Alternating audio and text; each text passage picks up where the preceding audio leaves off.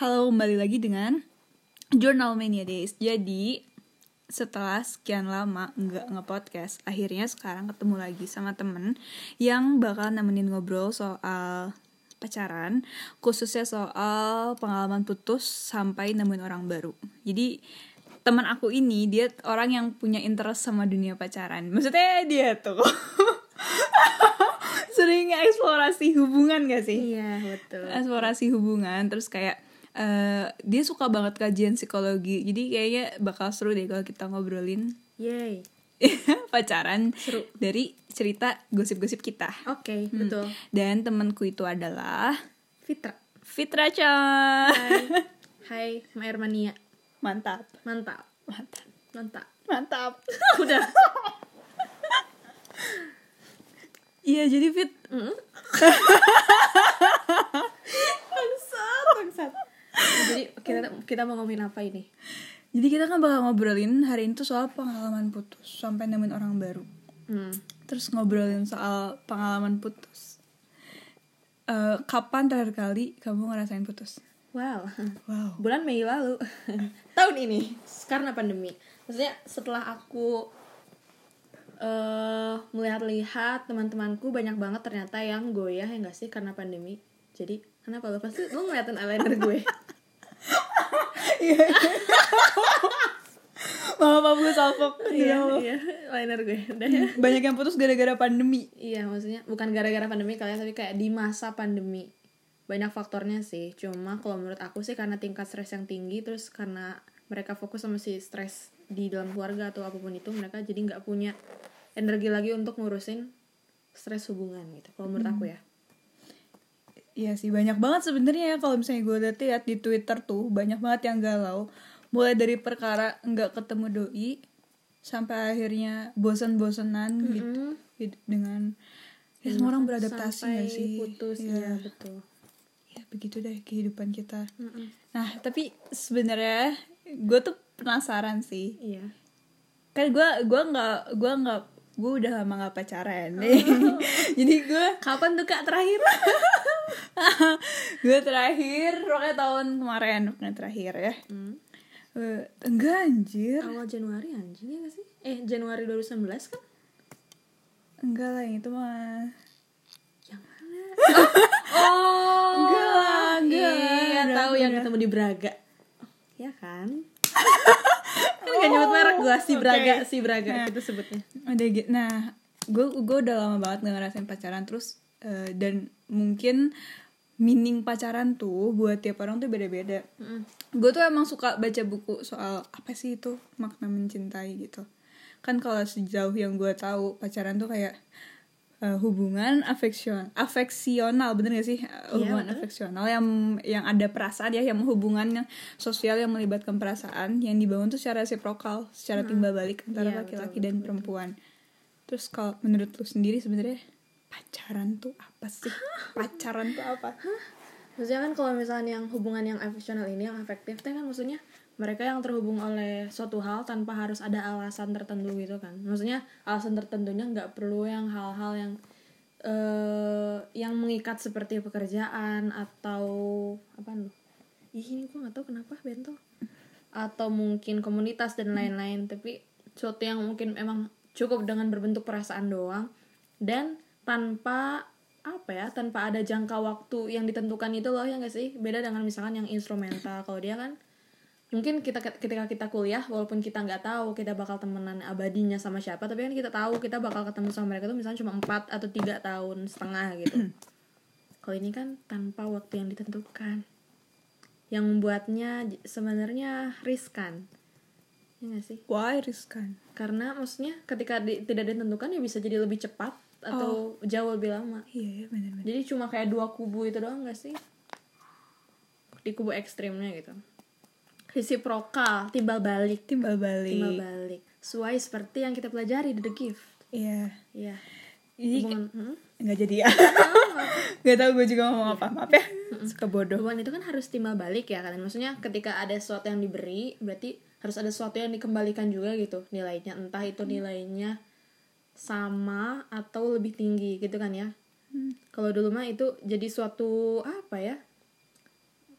suatu prestis suatu eh, pe- bukan kontrol sosial tapi apa ya yang penentu derajat kerajaan atau komunitas-komunitas kan ya dengan pemberian-pemberian itu tapi maksudnya di kita apakah timbal balik itu selalu bekerja dalam suatu hubungan itu dia ya kalau nggak kalau nggak bekerja kalau menurut gue pasti hubungannya nggak lancar sih. Iya benar-benar benar. Karena si form aja pernah bilang ya hub- mencintai itu harus dua-duanya. Kalau cuman salah satu mungkin tuh cuman apa ya? Gairah.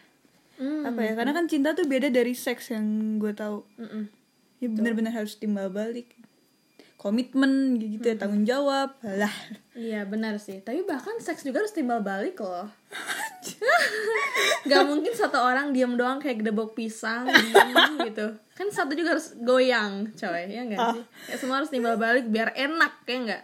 Nah, sama juga dengan cinta, tapi mungkin ya ranahnya lebih jauh lebih luas. Si komitmen seks tuh kan mungkin cuma berapa sih setengah jam lah seks berapa ronde itu dua tiga sejam lah tapi kan komitmen cinta itu kan ya itu dia tidak ditentukan waktunya hmm iya benar dan lebih luas juga sih ininya kalau secara apa ya kalau secara singkatnya lu bakal mendeskripsikan pacaran itu sebagai apa? Pacaran. Pacar deh pacar deh orangnya nih pacar. Pacar. Seperti apa? Maksudnya contoh contoh contoh contoh. Hmm, hubungannya gua maknai seperti apa atau orangnya? Kalau orangnya kayaknya itu kita meromantisi Rama dong. Eh,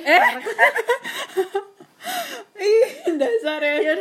Biarin, bucin banget. Nggak apa nggak apa kayak kalau misalnya pacaran emang menurut lu apa oke menurut gua hmm sederhana deh berapa kata deh Oke, oke. Pacaran ya. Kok bagi gua kayaknya gua tuh nggak pernah memaksakan sebenarnya makna pacaran gua ke hu- apa hubungan-hubungan gua yang sekarang maupun yang lalu. Kayak gua tuh pasti mengikuti orangnya karena gua orangnya sebenarnya eksperimental, eksperimental dan gua pengen mengalami segala hal gitu. Konteks hubungan apa pun. oke Dulu gue pernah pacaran yang kita tuh nggak ada nembak-nembak sama sekali. Gua gua saat itu nyatain bulan Februari, dia tuh nolak gua dan bulan Maret dia nyatain ke gua aneh banget, nggak ngerti kenapa. Terus akhirnya kita ya udah jadian. Tapi jadian itu bukan yang kayak oke lu pacar gua enggak ya udah gitu kayak kita cuma tahu aja. Oke lu suka gua, gua suka lu, ya udah ayo bareng gitu loh. Jadi menurut gue pacaran tuh ya gimana kesepakatan orang-orangnya sih ya. Tapi bagi gue pacaran tuh cukup lah dengan kita tahu satu sama lain perasaan dan apa yang mau kita la- tindak lanjuti gitu dengan perasaan itu.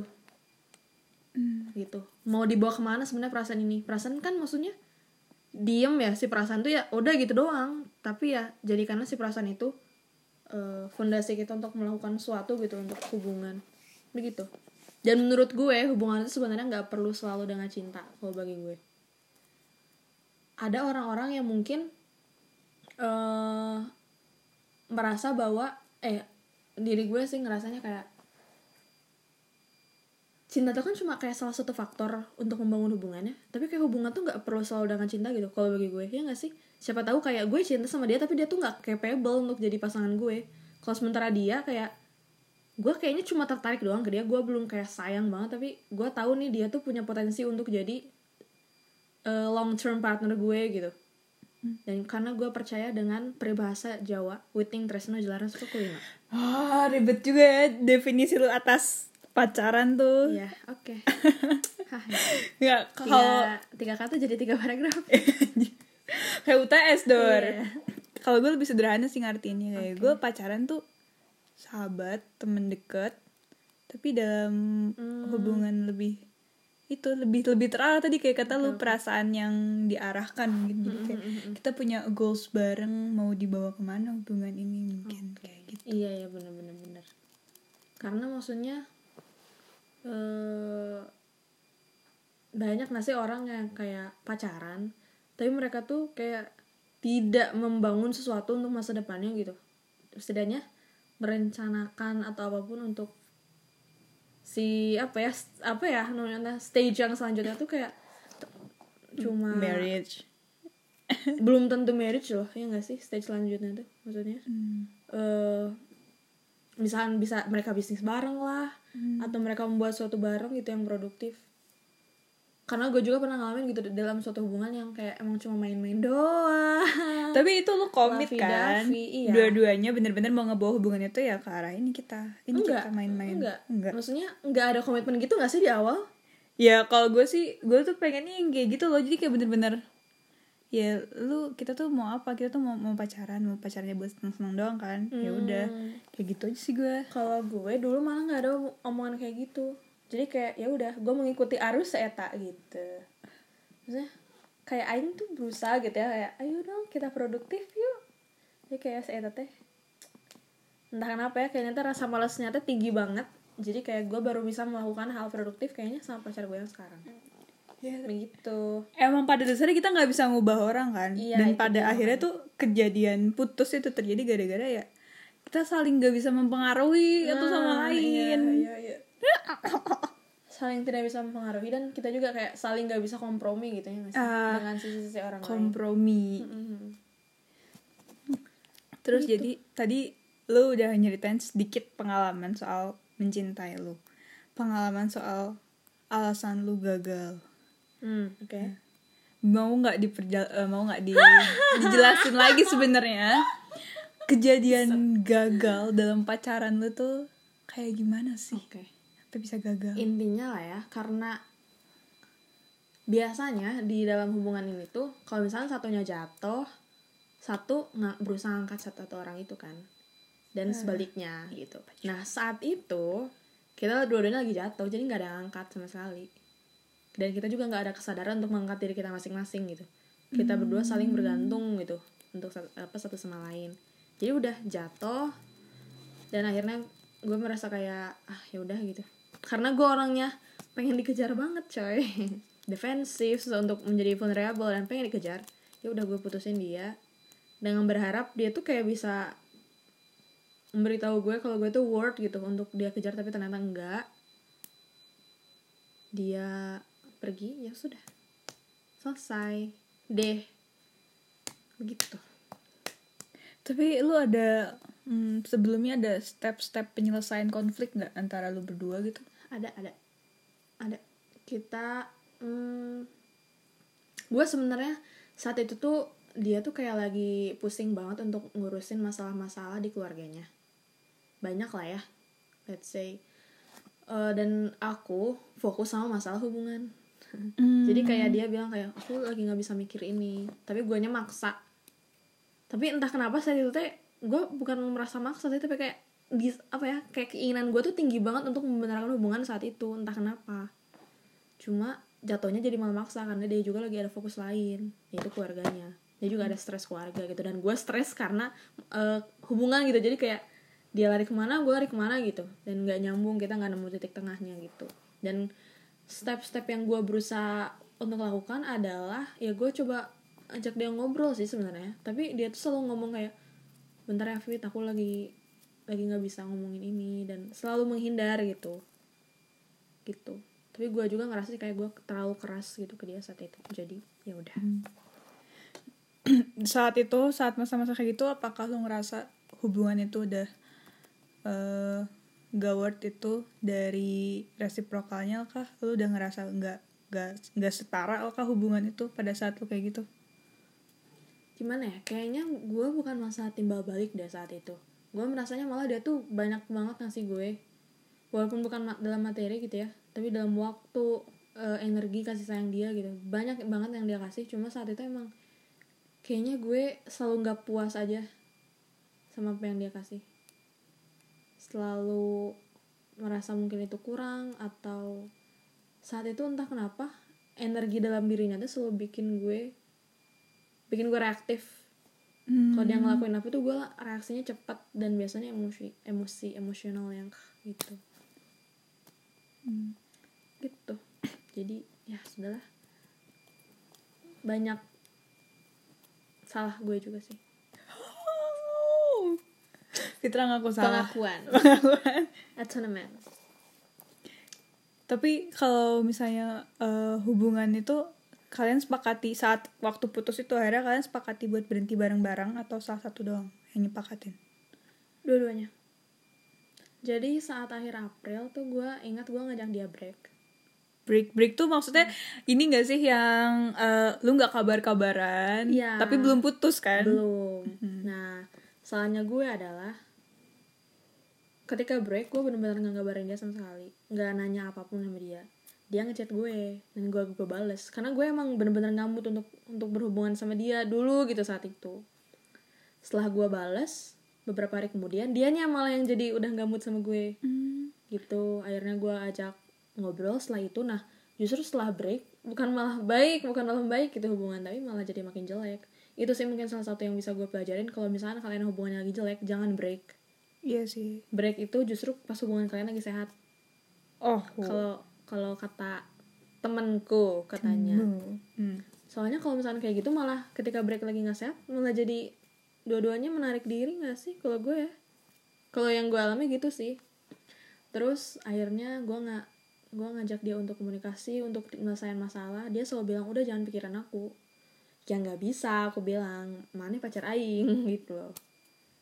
Gitu. Terus akhirnya setelah gue mau menyelesaikan masalah ayo kita ini solusi yuk dia bilang enggak nggak ada solusi sama sekali katanya.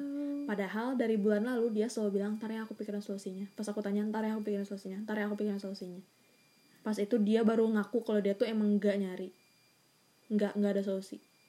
Ya udah. Mau bilang apa lagi? Coba. Iya. Eh, kalau menurut gue tuh udah gak resiprokal sih jadi ada satu pihak yang berusaha yang satunya mulai narik mul- mulai kendor dan di situ juga komitmennya udah mulai dipertanyakan kan benar. dari durasi break aja mungkin harus dipertanyakan juga di situ Hmm, jadi hmm, ya iya. masalah putus pada umumnya Ya, betul seperti itu. Makanya jadi ya udah dia aja udah ngomong nggak ada solusi sama sekali. Terus dia juga bilang kalau kamu mau pergi juga ya udah nggak apa-apa fit. Aku nggak maksa katanya. Ya udah, mau gimana lagi? Masa mau aing bilang enggak aku nggak pergi? Enggak Eh, mungkin. gua gitu. I- iya sih, cuma kan saat itu kayak gue udah merasa dia tuh udah overwhelmed banget sama masalah ini gitu. ya Dan ini salah satu-satunya mungkin hal yang bisa gue lakuin gitu untuk setidaknya gue nggak rewehin dia lagi lah gitu. Ya udah gue, ya udah kita putus aja. Selesailah sudah.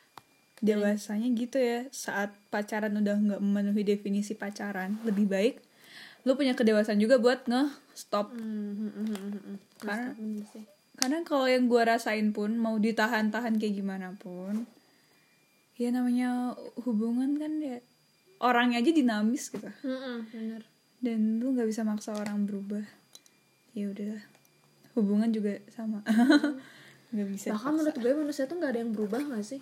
Maksudnya oke manusia dinamis tapi dinamisnya tuh kayak pasti sesuai polanya gitu. Hmm. dia tuh pasti masih bisa terprediksi gitu manusia tuh. Cuma yang bedain itu berubah atau enggaknya ya sebenarnya dia juga punya sisi seperti itu. Dia nggak berubah cuma dia nggak dia nggak pernah ngeliatin itu ke kita Yeah. ya sih? Dia ngeliatin itu ke orang lain gitu. Dan saat itu ketika kita menjadi orang enggak dia suka dia ngeliatin itu ke kita gitu. Atau mungkin nggak harus jadi orang yang dia nggak suka sih. Kadang-kadang ada sisi-sisi yang kita baru tahu tuh setelah tiga tahun Iya, gitu benar, kan. benar, benar. setelah empat tahun tapi kenapa sih menurut lo kenapa orang tuh ada yang butuh selama itu untuk nunjukin dirinya gitu bagian dirinya? Kan kita se- sih. lumayan mirip kan? Iya, iya. sebelum sebelumnya apa kisah cintanya? Kisah cinta bukan, eh, karakteristik eh, mantan kita. Iya, karakteristik mantan kita mirip. Iya, betul. Eh, iya kalau menurut gue sih masalah kenyamanan sih. Di saat dia sudah nyaman dia mulai ngebuka dirinya ternyata itu Hmm. bukan itu bukan yang mudah gue terima ternyata. Atau mungkin gue malah mikirnya terlalu kompleks waktu itu. Hmm. kayak ya udah dia dia mah gitu dia emang orangnya gitu tapi gue kayak ih kenapa sih? gitu. Ah oke. Apa sih? Ngomong apa Iya sih Hmm. sih bener sih karena kenyamanan itu ya. Soalnya gue juga ngerasa maksudnya ketika dia nyaman sama gue di satu hubungan yang beneran hewan resiprosika eh apa? Sih? reciprocal ya udah gitu beneran dia juga membuka dirinya sebanyak itu dan ketika kita udahan dia tuh bener-bener nutup dirinya segitunya dia tuh ternyata gue baru tahu bahwa dia tuh orangnya sekretif banget kalau ke orang luar. Tertutup parah. Parah. Maksudnya sekretif parah gitu privasi hidupnya tuh bener-bener gak dibuka dan dia tuh selama ini cuma ngebuka ke gue dan gue baru tahu. Gitu. Banyak bagian dari diri dia yang baru gue tahu sih.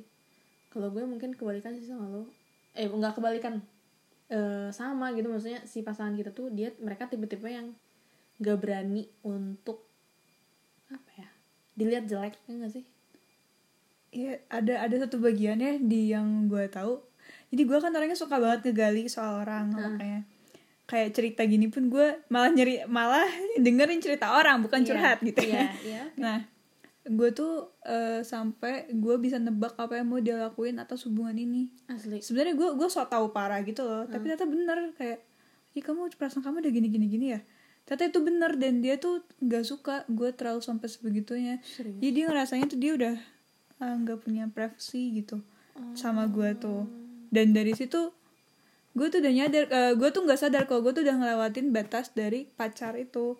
Jadi eh, dari eh, tadi kan kita kita nggak pernah komitmen sejauh mana kita bakal terbuka gitu Hmm. dan gue tuh kayak udah ngen apa ya ngebuka kunci dia tuh terlalu ngedobrak pintu dia gitu loh jadi Hmm. kayaknya itu juga kita udah ngelanggar batas-batas kayak gitu jadi nggak bisa dilanjutin lagi karena dia udah nggak nyaman maksudnya ketika melanggar-langgar batas itu emang kalian udah tahu batas masing-masing kayak gimana? Ya itu nggak pernah diomongin. Nah itu dia nggak sih?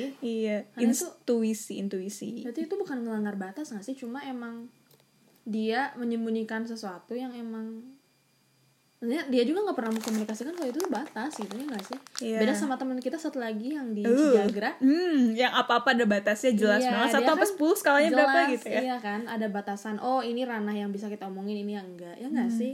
Kalau lu nggak ada jadi ya wajar lah. Lu kayak lu pengen tahu lu kan nggak tahu kalau itu boundaries dia.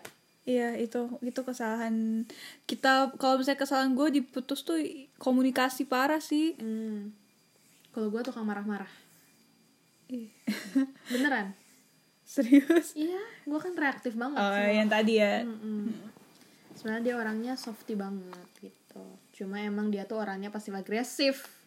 Pasif agresif dan kayak semua masalah tuh dia iyahin dia oke nggak apa-apa aku maafin bla bla bla." tapi di belakang tuh dia julid sama temennya.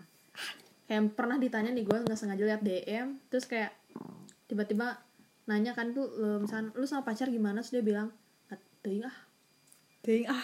Terus sakit hati nggak lo dibilangin? Kenapa nggak dia omongin yang dia nggak enak ke Aing? Gitu. Dan dia tuh bilang emang aku orangnya nggak tegas aku nggak tahu cara ngomongnya gimana. Padahal Aing udah berusaha untuk sok atuh jangan gitu gitu. Aing aja selalu jujur ke mana gitu. Ke mana nggak jadinya kan ya gitu kan timpang di sana juga tidak timbal balik lagi gitu. Iya. Ya udah gitu mirip aja. btw. Oh ya? Gue juga iya kan? tahu chat dia sama ceweknya selain gue terus di chat tuh dia bilang eh Mayer tuh ada tapi nggak pernah ada. Gitu. Wow. Jadi dia dia nunjukin kepuasannya ke orang lain. Jadi ya mungkin karena tadi gue terlalu ngelanggar privacy dia mungkin ya. Jadi kayak kayaknya ini orang udah tahu maksud gue dia mungkin gak eh, coba lu mungkin gak sih mikir kayak gitu? Kayak gitu kan oke nah udah ngomongin soal break putus-putus Iya, putus segala macam ini. Betul. Terus eh fit eh, dari jarak lu putus ke jarak lu punya hubungan baru hubungan pacaran khususnya itu berapa lama? Kalau hubungan pacaran nih Juni Juli Agustus September empat bulan. Empat bulan. Itu lu lakukan secara sadar atau pembalasan dendam No, itu beneran gue secara sadar. Kenapa? Karena sebelumnya, aduh harus membuka gue. Sebelumnya gue kayak, let's say ya udahlah eksplorasi gue sama beberapa orang sebelumnya gitu. Gue dekat dalam konteks-konteks hubungan yang lain gitu, yang casual relationship lah gitu, nggak ada komitmen sama sekali.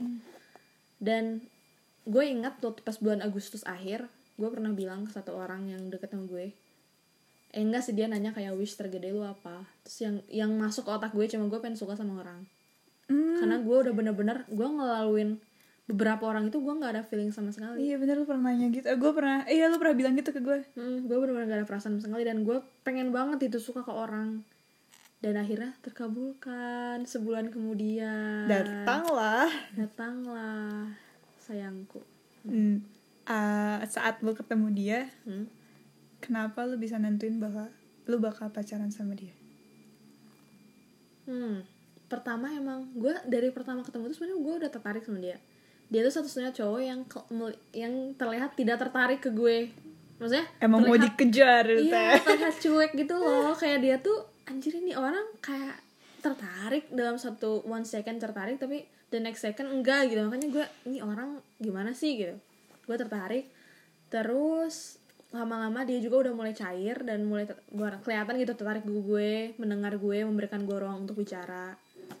Ya udah lama-lama hmm, gue semakin besar aja perasaannya sama dia dan gue juga tahu dia juga gitu ke gue gitu. Akhirnya dia nyatain dan gue juga nyatain. Udah. Eh, ada lu aduh gue tuh mau mau apa mau lu? merosting sebenarnya tapi nggak jadi ya udah. Posting apa? Enggak. omongin aja. Nggak apa-apa sayang. Tapi pertama kali lu ngeliat dia nih Hah? eh apa gimana ya? Gimana gimana? Apa yang bikin lu pertama kali tertarik sama dia secara fisik? Dan eh ya secara fisik dulu deh apa? Mata. Fis- eh, secara fisik mata Eh, kalau gue boleh ngungkit lagi kejadian lu yang sebelumnya mantan lu yang sebelumnya itu apa yang bikin lu tertarik secara fisik? Mata. Jadi eh, patternnya adalah Mata. mata. Selalu mata. Enggak Why? kenapa. Ini juga gue baru sadarin beberapa hari lalu. Enggak dua hari. Kemarin dua hari ya? lalu ya dua hari lalu Iya. ya enggak sih? Eh ya kemarin ya? Kemarin. Kemarin. Kita kita kemarin ngomongin ini soal Ya. eh, ketertarikan terhadap lawan jenis itu kita dapat dua yaitu dari fisik sama dari ide. Iya. kalau dari fisik itu manifestasinya apa ya? Nggak tahu. Entah ya, Ya, belum baca kita juga. Maksudnya tapi kan gue gue pernah baca. Eh enggak ini tuh sebenarnya yang kita tahu preferensi fisik tuh dari teman kita ya cutting kita nih iya Yanto. uh. Iya apaan sih bangsa Kelihatan gue ini. Maaf ya ini ada orang yang nelfon tiba-tiba psycho loh tai ya jadi katanya di artikel itu ada yang memaparkan bahwa orang tuh punya preferensi loh secara fisik dan ada pola, ada benang merah di antara orang-orang yang dia sukai. Itu bisa jadi mata, hidung, lengan, badan, mungkin tits gitu ya, anjir. Suara bahkan bau katanya. Gitu. Terus em, tapi maksudnya kan kalau preferensi fisik yang kalau yang gue baca dari thread Twitter, itu sesuatu yang kita nggak secara sadar milih nggak sih? Maksudnya kita tertarik sama satu orang tapi kita nggak tahu kenapa ya? Terus pas kita lihat lagi eh tapi kok cowok-cowok yang sama gue gini mulu ya? Ya nggak sih? Selalu kayak gitu nggak sih preferensi itu? Selalu subjektif gitu. Dan emang menurut gue karena otak itu prosesnya tuh lebih cepet gitu ketimbang yang bisa kita sadari gitu. Dan itu ujung-ujungnya tuh sebenarnya untuk kecocokan biologis untuk kita reproduksi. Sebenarnya gitu. Bisa jadi. Ya gue gue juga nggak tahu ya sebenarnya. Kalau misalnya dikaitin ke reproduksi biologis gue belum belum belum ngerti sampai situ. Tapi Hmm, oke. gue gue paham sih. Gue tuh suka sama orang tuh secara nggak sadar terhadap senyumnya. Ah, oke. Karena- Senyum tuh harus kayak gimana El? Uh. Apa karakteristik senyum ah, gimana ya? Deskripsikan. Apa gimana ya? Eh gue suka sama orang yang suka senyum. Udah gitu kali ya. Nggak ada spesifik yang kan ada tuh yang kayak eh, bibirnya harus bentuk hati ah iya. eh, kepalanya kotak gitu ya. Enggak enggak enggak tapi gue suka sama senyumnya. Nggak harus ada dimplenya tapi nggak tau gue suka sama senyum orang. Oke. Sama tulang ini. Apa sih namanya ini? Tulang, Tulang pipi, pipi color eh bukan color. Cheekbones ya nggak sih? Iya Cheekbones. cheekbones kayak uh seksi. Oke, jadi hmm, dari senyumnya itu sebenarnya apa sih yang lo bisa lihat kayak apakah they radiate lights atau kindness gitu atau love atau apa pun gitu. Yang lo bisa dapat dari senyum itu apa sih? nggak tahu. Padahal kadang-kadang ada yang cuman gue ngeliat dia senyum ke orang lain terus kayak wah senyumnya apa ya? Hmm, tau gak sih senyum sopan? Cuman sekedar say hi terus saya senyum gitu. Oh, padahal oke. senyum-senyum kayak gitu bukan belum tentu juga dia tulus tapi kayak Iya. wah dia cakep sih senyumnya. Kayak gitu. Hmm, oke, suka aja ngeliatnya gitu. Nggak tahu nggak ada alasan khusus ya? Iya iya kan maksudnya. Kayak lu ngeliat mata ada alasan khusus nggak? Nggak ada. Jadi entah kenapa tapi gue kayak gue seneng ketika dia berbinar yang hmm, gitu gitu gue deg-degan anjir bayanginnya juga. beneran? gue langsung ingat mantan gue pertama kali itu kayak dia kan Helen full face terus pakai apa tuh ya buff gitu yang cuma Iya, kelihatan mata kayak doang kan. Itu pertama kali gue ketemu sama dia gitu setelah kita chatan beberapa hari. Pas gue lihat dia hal yang pertama gue lihat adalah mata dan maksudnya kan itu mencolok banget kan matanya. Matanya tuh emang indah banget dia tuh blow ganteng gitu cantik. Anjir aing langsung "Hah, anjir matanya bagus banget nih orang gitu tapi gue nggak sadar kalau gue tuh tertarik sama mata sebenarnya. Itu itu ini tuh ya cara kita tertarik sama orang tuh termasuk dari gimana cara apa ya eh, luasnya pandangan mata kita gak sih? Gimana nih maksudnya. Kayak dulu tuh gue nggak bisa ngeliat mata orang. Jadi saat gue pertama kali natap mata orang itu adalah bibir karena gue ngebaca gerak bibir buat dia ngomong. Kalau lu mungkin mungkin gak sih waktu itu karena lu ng- ngelihat orang tuh ngeliat matanya langsung terus kayak ah Iya iya, gue senang sih lihat mata karena gue baru sadar malah sekarang detik ini. Karena emang gue gue percaya bahwa mata itu emang jendela diri kita gitu. Gak usah gitu kayak gitu ya. Maksudnya kayak dari mata tuh kelihatan gitu semua pikiran lo emosi lo keadaan lo ya gak sih? Dan mata tuh hal yang paling jujur gitu di antara semuanya gak usah lu mereka alis dulu depan gue gitu. Iya. Mata katanya yang paling jujur dan bibir yang paling sering berbohong. Uhu huy Oh, huy makanya huy lu huy seneng ya bohong-bohong gitu. Eh, enggak gitu konsepnya. nah, udah gitu. Kalau kalau mungkin kalau fisik Hmm?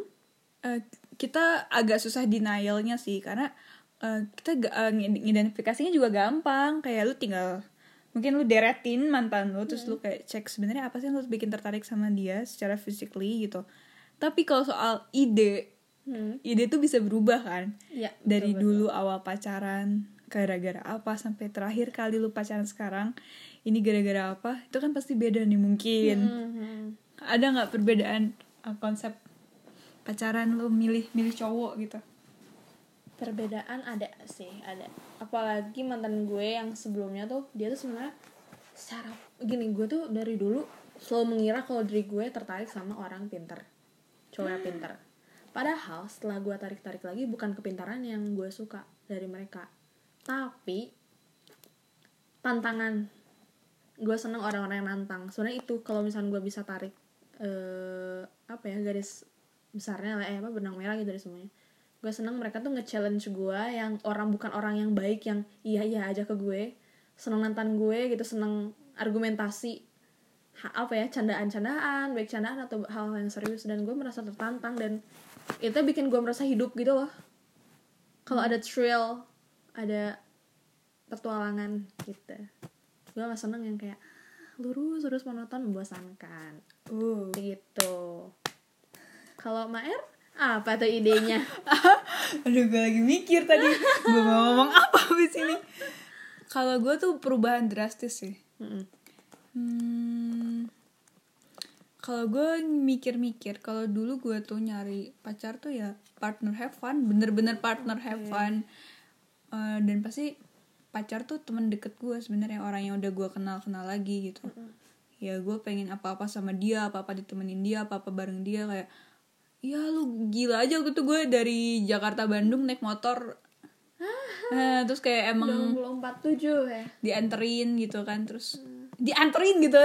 Dia balik lagi udah ya ke Bandung kayak dulu menurut gue itu romantis yang kayak gitu tuh kayak kita pergi jalan-jalan bareng ke mana itu tuh romantis kayak atau enggak eh, dia datang ke kelas ngerayain ulang tahun gue itu tuh romantis selalu kita selalu bersama-sama kayak ditungguin. Dulu gue SMP gitu kan cowok nungguin depan kelas ayo ke kantin bareng gitu kayak.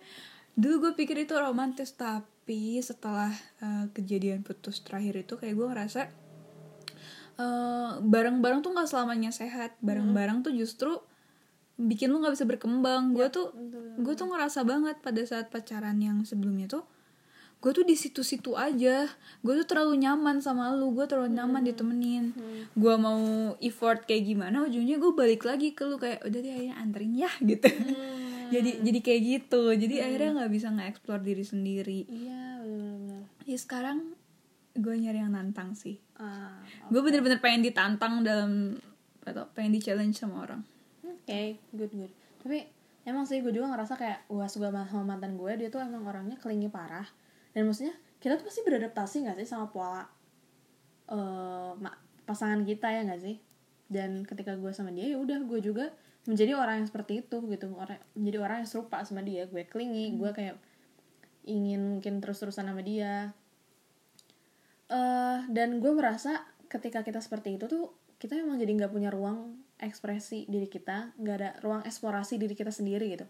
Kayak segalanya tuh kita harus kembali lagi ke dia kembali lagi ke dia. Jadi nggak ada ruang untuk kita berpikir juga gitu sebenarnya tuh apakah ini hal yang benar buat kita gitu? Apakah Hmm. si hubungan itu on track dari apa yang kita ekspektasikan? Apakah udah keluar jalur? Dan itu benar-benar gue merasa gue nggak dapat ruang gitu. Bahkan gue pernah kayak minta break gitu ya bulan Januari gue inget. Dan ketika gue minta break gue cuma pengen nggak ngobrol sama dia sehari atau dua hari gitu. Dan bahkan di sehari dua hari itu dia tuh terus terusan nanyain gue. Jadi gue ah, gitu. Gue kayak nggak punya ruang buat diri gue sendiri. Dan alhamdulillahnya di pacar gue yang sekarang dia bener-bener orangnya membebaskan gue. Kayak dia tuh sampai bilang kayak mending kita sibuk aja dulu sendiri-sendiri gitu. Ntar kita ketemu pas kita udah senggang gitu. Biar bisa banyak cerita banyak diskusi dan dengan itu juga gue merasa punya ruang untuk gue eksplorasi diri gue begitu wow bacot Iya. Lo, Apanya nih? eh, adakah perbedaan pola kalau gue ada kan gitu maksudnya pola hubungan yang dulu sama yang sekarang Jadi kalau lu tuh yang dulunya klingi sekarang eh, inten yang dulunya klingi intensitasnya setiap hari sampai jenuh sekarang mulai berkurang dengan kesibukan masing-masing Yap. kayak gitu ya. Karena sebenarnya kan gue belum pacaran lagi. iya oke Tapi eh, deket sama cowok juga enggak ya Allah. Gimana dong nggak bisa ngejawab gue. oh iya ada nggak sih tapi kayak hubungan lo yang beda sendiri gitu polanya Iya ini yang terakhir. Eh enggak maksudnya. yang tadi mana yang mana Duh, duh jorok banget gue. Jadi ini ini hmm, oh oke gue tuh gue tuh selalu dibuai sama cowok. Hmm.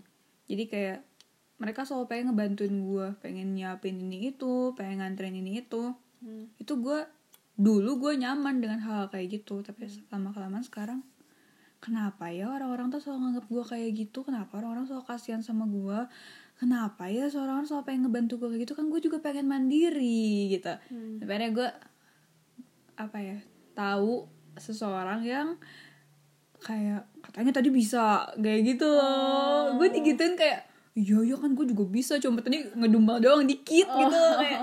Seru aja gitu. Eh, iya gue perubahan apa ya, eh, secara spesifiknya kayak gitu lah perubahannya dulunya kayak gimana. Sekarang pengennya yang lebih mandiri. Bisa explore diri sendiri explore bareng-bareng sih sebenarnya pengennya. Hmm, oke oke oke. Hmm, seru banget ya berarti berarti yang ternyata challenging ya seperti yang diharapkan. nggak nggak ada yang mau sama gue sebenarnya Ah, merendah untuk merapat. bener anjir kapan gue gak pernah deket lagi sama cowok gue tuh ngechat cuman kayak ah susah banget nyari pacar dah udah pacarin diri Kan sendiri dekat belum. Kita kan nggak tahu ya. Kita tuh nggak boleh judgmental sama masa kini, coy. oke Ntar ada. Emang, emang gue tahu pacar gue bakal datang dan gue suka sama dia. emang lu nggak ada clue-clue gitu sebelum dia sebelum kalian jadian Nggak, nggak ada. Beneran gak ada. Karena selama ini makanya gue kaget tuh pas dia nyatain perasaan ke gue. Karena selama ini gue ngerasanya dia tuh sikapnya ke gue bro banget. Ngomong aja yang mana Aing teh kiu kiu kiu kiu. Jadi beneran kayak diskusi antar teman gitu loh. Makanya ketika transisi dia nyatain suka ke gue dan gue nerima gitu gue juga suka sama dia. Transisi dari temen yang bro aing maneh ke aku kamu tuh uh. eh, susah gitu agak sulit kayak eh cringe ya gitu eh kok geli ya gitu getek gitu nggak enak. Dan ternyata ya udahlah gitu bisa sekarang mah. Eh. Gue enak ya mah eh. Oh malu Wait, tadi kalau misalnya berdasarkan definisi lo atas pacaran ya hmm? Menurut lo cowok lo yang terakhir ini udah memenuhi definisi itu nggak? hmm definisi gue pacaran Atau sebenarnya kok ada yang kurang gitu? gimana ya eh gue tuh nggak sebenarnya ekspektasi gue dalam hubungan tuh cuma satu sih nemu orang tuh gue bisa nyaman sama dia Hmm. Itu ke- kedengarannya klise gak sih? Kayak nyaman. Oh iya Iya. ya nyaman sih bisa sama siapa aja. Enggak. Gue nggak bisa nyaman sama sembarang orang gitu. Gue udah mencoba gitu ya deket sama beberapa orang gitu sebelum dia. Let's say di atas lima gitu. Dan gue nggak nyaman. Nggak gue nggak merasa bener-bener nyaman sama semuanya. Gue percaya semua orang tuh mengeluarkan energi dalam dirinya. Dan energi itu ketika apa ya ke kita apa memancar ke kita respon kita ini bisa jadi kita terbuka bisa jadi kita menutup diri atau bisa jadi kitanya reaktif gitu ke dia. Banyak gitu respon yang bisa kita apa ya lakukan bukan lakukan secara sadar kita lakukan. Eh secara tidak sadar kita lakukan terhadap energi yang dikeluarkan. Dan entah kenapa gue tuh nyaman banget sama energi yang dipancarkan Rama. Dia tuh bikin gue tertantang tapi bikin gue juga mau uh, terbuka gitu ke dia. Dan ya gitu. Nyaman. Nyaman tuh kayaknya kata klise tapi yang sebenarnya maknanya tuh gede banget itu loh ya gak sih? Gitu menurut gue. Tadi kan dia udah eh, memenuhi itu definisi. Secara kasarnya udah memenuhi lah definisi lu atas pacaran. Karena tadi kan lu tuh ngomongin pacaran soal komitmen. Lu udah udah komitmen tadi memutuskan. Udah eh, ke arah yang sama gitu ya. Terus eh, kira-kira ide buat pacaran ini dipengaruhi sama peristiwa-peristiwa lu di masa kecil gak sih maksudnya maksudnya gimana tadi kan secara aduh berat berat rasa martabak asli martabak asin Malu. Tadi kan nih lu lu milih Rama tuh sebenarnya. Iya. Lu udah fix banget nih sama si Rama tuh gara-gara salah satunya ada perubahan dari pola yang sebelumnya kan pacaran yang sebelumnya. ya Berarti lu milih dia tuh ada dipengaruhi oleh uh, peristiwa yang sama si pacar lu ini yang yang mantan mantan lu ini. Hmm, oke Nah, mungkin gak sih ada peristiwa di masa lalu apa pun itu yang mempengaruhi juga secara nggak langsung ke pemilihan lu terhadap si Rama ini. ada ada. Gue menghindari cowok-cowok. Gue selama gue dekat sama eh, kemarin beberapa orang beberapa orang gue tanya lu marahnya kayak gimana? Karena gue nggak gue menghindari cowok-cowok yang marahnya kayak mantan gue. Mantan jadi apa kisah lo ini lebih banyak ke belajar dari mantan mantan ada nggak kejadian waktu waktu masih kecil gitu kayak ada gue takut mantan gue kayak gitu karena awalnya karena eh, om gue di keluarga. Oke let's say lah ya om gue tukang orang yang kalau marah bener-bener meledak-ledak teriak-teriak ngancurin barang lempar barang. Dan entah kenapa kayaknya kita tuh attract what you fear tuh bener ya. We attract what we, we fear iya, gitu. iya. kan ada ya quote kayak gitu. Hah. karena eh, pengalaman traumatis om gue gitu waktu pas di rumah dulu kayak gitu. Walaupun nggak ke gue tapi gue takut gitu. Gue kayak memendam ketakutan seperti itu dan entah kenapa gue udah dua kali sama cowok yang kayak gitu. We dua kali pasangan paling deket gitu ya sama dua orang kayak gitu gitu dari tiga sebelumnya. Dan waktu itu eh, kemarin yang setelah gue putus kan gue deket nih juga sama satu orang adalah dan dia nanya ke gue kenapa sih lu kalau gue marah lu nenangin gue mulu? katanya. Hmm. kayak tiap dia marah gue ngelus-ngelus. Kayak "Ya auto udah, auto. tenang, tenang." jangan pegang pegang gue gue gak suka diam lo diam kayak gue tuh auto kalau dia marah tuh atau kayak huh gitu gue tuh pegangin dia. Dan gue inget ini juga gue lakuin dulu ke mantan gue ay. itu tahan supaya nggak marah supaya nggak meledak ledak karena gue takut kalau dia meledak-ledak. Jadi mending gue tenangin dia.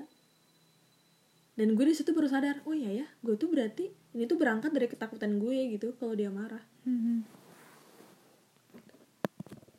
menarik sekali ya. Dan alhamdulillahnya Rama tuh udah seperti itu marahnya. Marahnya dia gimana? Coba dia tuh, ceritakan. eh, tuh ada nama maaf. Itu udah dari tadi. Ngomong, ngomong. rama rama rama nama kesayang. Eh, dia tuh marahnya kayak dia bisa mengontrol diri dia sendiri. Dia nggak menyakiti orang menyakiti nggak menyakiti diri sendiri dan dan menghancurkan barang. Dia waktu itu gue pernah ngeliat dia marah terus dia langsung bilang udah aku mau ke Alfamart dulu beli rokok dia pergi jalan-jalan sendiri buat tenangin diri dia. Dan ketika dia balik ke gue dia udah lumayan tenang. Dan pas itu pad- padahal gue yang bikin dia marah tapi dia megang tangan gue. Kayak berusaha untuk ngambil energi dari gue gitu loh. Energi apa tuh? Kayak entahlah dia pokoknya gini. Jadi sebelum jadian itu cerita kocak sih. Gue pernah double date sama adik gue.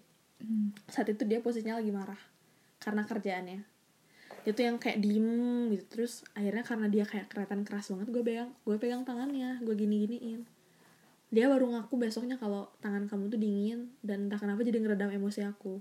Nah makanya pas dia marah dia berusaha pegang tangan aku biar keredam emosinya. Kocak gak sih? Padahal gue orang yang bikin dia marah tapi dia lari juga untuk menenangkan diri ke gue gitu. Makanya kayak wow gitu kok ada ya orang kayak gini gitu. Gitu. Rama tapi emang di bukunya form juga gue sempet baca sih emang gimana ya Hmm, terutama ibu sih sebenarnya katanya. Kalau misalnya kasih sayang ibu tuh kan kasih sayang tuh beda beda apa cinta tuh beda beda nah cinta ibu ke anak tuh susah di eh, susah didapetinnya itu. Hmm. dan ketika lu nggak dapet itu lu bakal nyari ke yang lain dan lu nggak akan nemu yang suka sama persis kayak gitu. Hmm. dan kalau menurut gue itu yang mempengaruhi gue juga sampai sekarang apa ya dulu gue sempet kayak gitu tuh searching searching searching for love kayak Hmm. nyari kasih sayang kehangatan yang dari keluarga yang nggak bisa gue dapat ke orang lain yang ternyata nggak bisa dapat Hmm. sampai akhirnya gue fix dulu problem itu. Gue perbaiki gue cari kenyamanan gue di rumah baru gue ngerasa kayak anak yang sesungguhnya sekarang baru gue merasa bener-bener lebih mature. Oh gue tuh ternyata nyarinya kayak gini nih. Kenapa jadi gue nyari kasih sayang ortu gue ke orang lain bahkan gue nyari kasih sayang bapak gue ke orang lain yang gak akan ketemu lah mau sampai kapan lu ngarepin gitu. Hmm, oke. Jadi kalau menurut lu gimana tuh caranya langkah awal untuk mencari kenyamanan di rumah? nyari kenyamanan di rumah. Mencari cinta di rumah ya. Gue mencari cinta di rumah gue pancing tuh pakai five love language.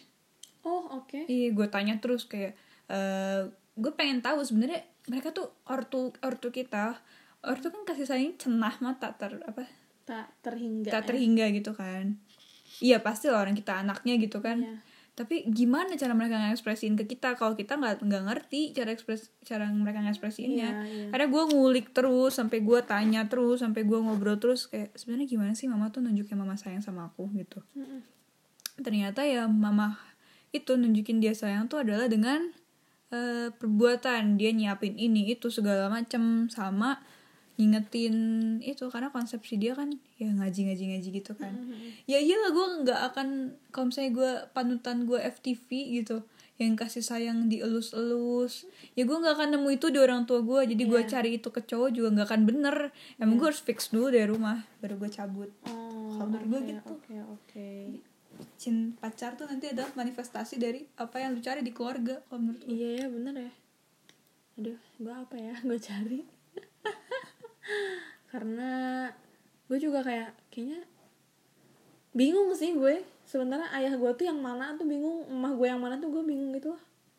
Karena maksudnya kalau mama mah oke lah ya fix yang gue yang di Bandung gitu. Gue kan tinggal sama adiknya nenek gue, tidak dengan rumah tiri gue, makan gue juga udah wafat. Jadi gue manggil adik nenek gue dengan sebutan mama. Tapi papa sosok papa itu gue nggak tahu nih sebenarnya gue dapet sosok papa itu dari papa kandung gue yang di Purwakarta atau Aki. Aki itu suaminya mama. Suaminya Eyang gitu. Gue nggak tahu jadi sebenarnya bingung gue tuh yang fatherly love yang gue dapet tuh sebenarnya dari mana? Mungkin dari Aki sih karena gue kebiasaan dari kecil emang udah di eh, Bandung kan. Dan yang gue lihat mungkin kayaknya itu ya kalau yang kayak di Eric Fromm makanya kalau ibu tuh kan dengan yang membimbing me, me- apa ya melindungi merawat Iya. gitu. kalau ayah mah justru dengan memberi batasan ya gak sih ngasih hukuman batasan gitu gak sih si ini cintanya tuh Ya melindungi juga sih kok. Mm, mm, mm, mm. ya melindungi dengan cara yang berbeda gitu kan seru Seru. Kayaknya emang kita tuh kan cupu ya sebenarnya guys. Mm, coba banget parah Cupu banget. Kita tuh belum ngebahas sampai situ. Kita tuh baru mau nyeritain soal gimana cara kita ngebaca pattern diri kita sendiri setelah pengalaman putus. Ya gak sih? Maksudnya? obrolan kita hari ini tuh sebenarnya emang kita cuman eh, baca pattern diri kita sendiri kayak Mm, mm, mm. iya ya kejauhan ya kita nggak apa nggak apa ya pengalaman kita putus terus gimana cara kita stra- eh, balik bangkit dari s- keputusan itu? Iya iya. Dari putus buat nyari orang lain. Mm, mm. nah buat nyampe ke itu tuh kita belum baca baca lagi. Tapi sebenarnya seru sih kalau kita bisa dapet teman ngobrol yang mengerti soal kayak gini kayak gini juga. Kayak sebenarnya kita tuh milih orang tuh gara-gara apa sih? Kita tuh nggak mungkin kan cuman sekedar cinta monyet terus Nggak, pacaran. nggak mungkin kayaknya Aing tuh kesel banget tuh kalau misalnya ada orang yang nanya kamu cinta aku karena apa? Nggak nggak tahu. Aku nggak punya alasan bohong tanpa alasan tuh kayak bohong apa sih itu? Maksudnya utopis banget ya nggak sih? Inget cinta itu hubungan kapitalis. Yap. manipulatif cinta tuh. Tidak. Rama tidak. Ide Rama baik banget. Parah. Ide gue yang manipulatif. Gue hanya yang kapitalis ya jadi dia hanya proletar. gak mungkin kalau misalnya lu bilang cinta tuh gak ada alasan apa apa atau ya mungkin gak ada alasan yang cukup untuk diutarakan kali ya, ya. atau mungkin lo nggak tahu alasannya seperti yang gue bilang preferensi yang akal Ya. itu cuma ya pasti ada alasan aja kalau misalnya lo nggak ada alasan kenapa lo ngecengnya dia? Particularly dia. Kenapa lo Iya. nggak ponori? Kenapa lo nggak omas? Kenapa lo kagak jaketi apa siapa jaketi gitu? Gitu maksudnya ada alasan lah. Gitu. Dan alasan itu yang sebenarnya pengen kita gali karena Hmm.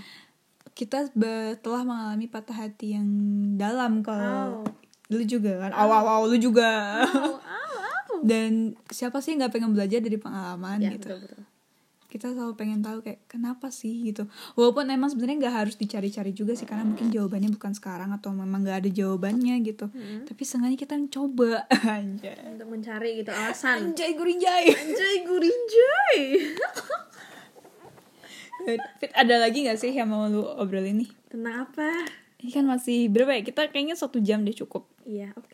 Apa ya tentang apa ya? Jadi ini kalau tentang alasan-alasan yang pacar itu dan hubung apa untuk bangkit-bangkit entar gitu ya. Hmm, berarti ini deh tips and trick dulu ada nggak nih buat menutup obrolan malam ini Anjay, tips and trick naon? dalam hal tadi pacaran Cinta, oke. cinta Ada sih hal yang gue temui setelah gue eksplorasi konteks-konteks hubungan dengan beberapa orang adalah bahwa emang gak, semu- gak mudah tau nyari orang yang beneran bisa klik gitu sama lu. Jadi kalau nemu tuh anjir beneran pegang lah gitu. Pegang. Pegang. ih jangan mega sampai- ah, pegang gini dia jangan sampai dia lewat. Dan setelah gue eksplorasi itu gue makin merasa beruntung dan bersyukur sih. Gue bisa nemu oh ternyata susah ya nemu orang yang bisa klop yang bisa bikin gue merasa terbuka. Dan entah kenapa gue sebelumnya gue dua kali nemu orang yang kayak gitu gitu. Dan gue bisa lumayan lama kan waktu itu dua tahun yang sebelumnya yang setelahnya lumayan 8 bulan gitu dicintai sama orang yang lu bisa eh bisa bikin lu merasa aman nyaman dan bisa terbuka tuh kayak privilege banget gitu. Gue tuh baru sadar gitu. Makanya kayak setelah gue jatuh sejatuh jatuhnya dan gue eksplorasi sebagai lonte gitu ya anjir kayak lonte gue kayak makin bersyukur aja gitu nemu pacar gue sekarang. Dan gue bisa menemukan perbedaan treatment gue ke pacar gue sekarang sama mantan gue yang dulu. Hmm, gue merasa kayak lebih dewasa lebih bisa menghargai dia lebih bisa menghargai kayak hari ini tuh belum tentu eh besok tuh belum tentu ada gitu. Jadi jadi nah jadinya make it last. Pada akhirnya pacaran tuh adalah gift. Hmm, Iya sih. mm, benar. Kita nggak tahu datangnya Gue pengen- kapan. pengen tiduran ya udah sih tiduran aja. Kita nggak tahu datangnya cinta tuh kapan. Iya. kita nggak tahu. Kita kita bisa aja bikin definisi aneh-aneh soal pacaran. Kita punya ide soal pacaran kita bikin kayak gimana kita punya preferensi fisik kayak gimana. Hmm. tapi kan pacarnya itu datangnya nggak tahu kapan ya. Iya itu dia. Makanya benar. pacar adalah gift bahkan apakah walaupun mereka datang gitu ya saat itu apakah mereka bisa membuat kita menjadi diri kita sendiri hmm cocok-cocokan iya gak sih Betul banget. Jadi kita juga ya semoga kalian semua menemukan yang apa yang kalian cari Mm-mm. dan gak usah buru-buru gak sih? iya betul Tidak tidak usah mengulang cerita-cerita sedih seperti dia. Kalau menurut gue sih eksplorasi eksplorasi aja ya. Oh iya. Mau lu cuma kayak dekat doang, lu chatan doang, tapi setidaknya lu lu sambil nyari tahu diri lo. Gue sih Iya, ngerasa iya. gitu. Bener bener bener bener. Aduh setuju gue ternyata. Semakin gue ketemu orang banyak, semakin gue tahu diri gue tuh sebenarnya suka yang kayak gimana. Apa yang gue gue suka, apa yang gue butuhkan gitu. Apa yang gue dan bukan gue gitu. Gue merasanya. Kalau lu er, Gue juga baru baru gue baru ngerti soal kayak ini kayak ini terus semenjak temenan sama lu. oh, Ya, langsung alay gitu deh. Fitra Chong. Iya, ya, ya, ya udah awalnya kan seperti yang gue bilang ya gue gitu pra- kayak ya se awkward seaneh itu gue menentukan. Bisa bisa apa? Nggak jadi malu direkam. Ini enggak ini gue buat pacar gue. Buat pacarnya alay. Amit amit fit. Apa enggak apa-apa ego cantik banget. iya cantik gue kayak mau dangdutan. Terus gimana lanjutin R ya udah jadi intinya sekarang karena berteman dengan Fitra jadi gue tahu apa yang mau gue cari khususnya dalam hubungan. Oke berarti gue membawa berkah banyak buat hidup lo ya R ya? Iya membawa berkah banyak mampus dah serah lu dah seneng seneng lu malu. Oke ya udah mari kita tutup obrolan malam ini eh, dengan kalimat yang dulu pernah gue bikin buat opening podcast gue anjir. Apa ya? Karena kita eh, temen ngobrol temen dekat apa ya gue lupa. Temen ngobrol temen dekat karena kita karena kita karena kita kan apa ya? Apa ya kok gue lupa kalimat opening gue demi apa? Gue lupa. Temen hmm, karena kita tidak begitu Iya, ya pokoknya karena kita nggak terlalu strangers lah. Karena kita tuh kenal sebenarnya satu sama lain. really Iya, kita tuh nggak terlalu stranger sebenarnya. Kita bisa aja ngobrol kayak gini, cuman lu aja kagak mau kadang-kadang gitu ya. Iya, betul. Menutup menutup sesuatu dalam bentengnya tinggi Hmm. Ya udah teman ngobrol pamit. Ih, seru banget Pamit Fit, pamit. teman ngobrol pamit Pamit. gila Dadah. dengan cutting kita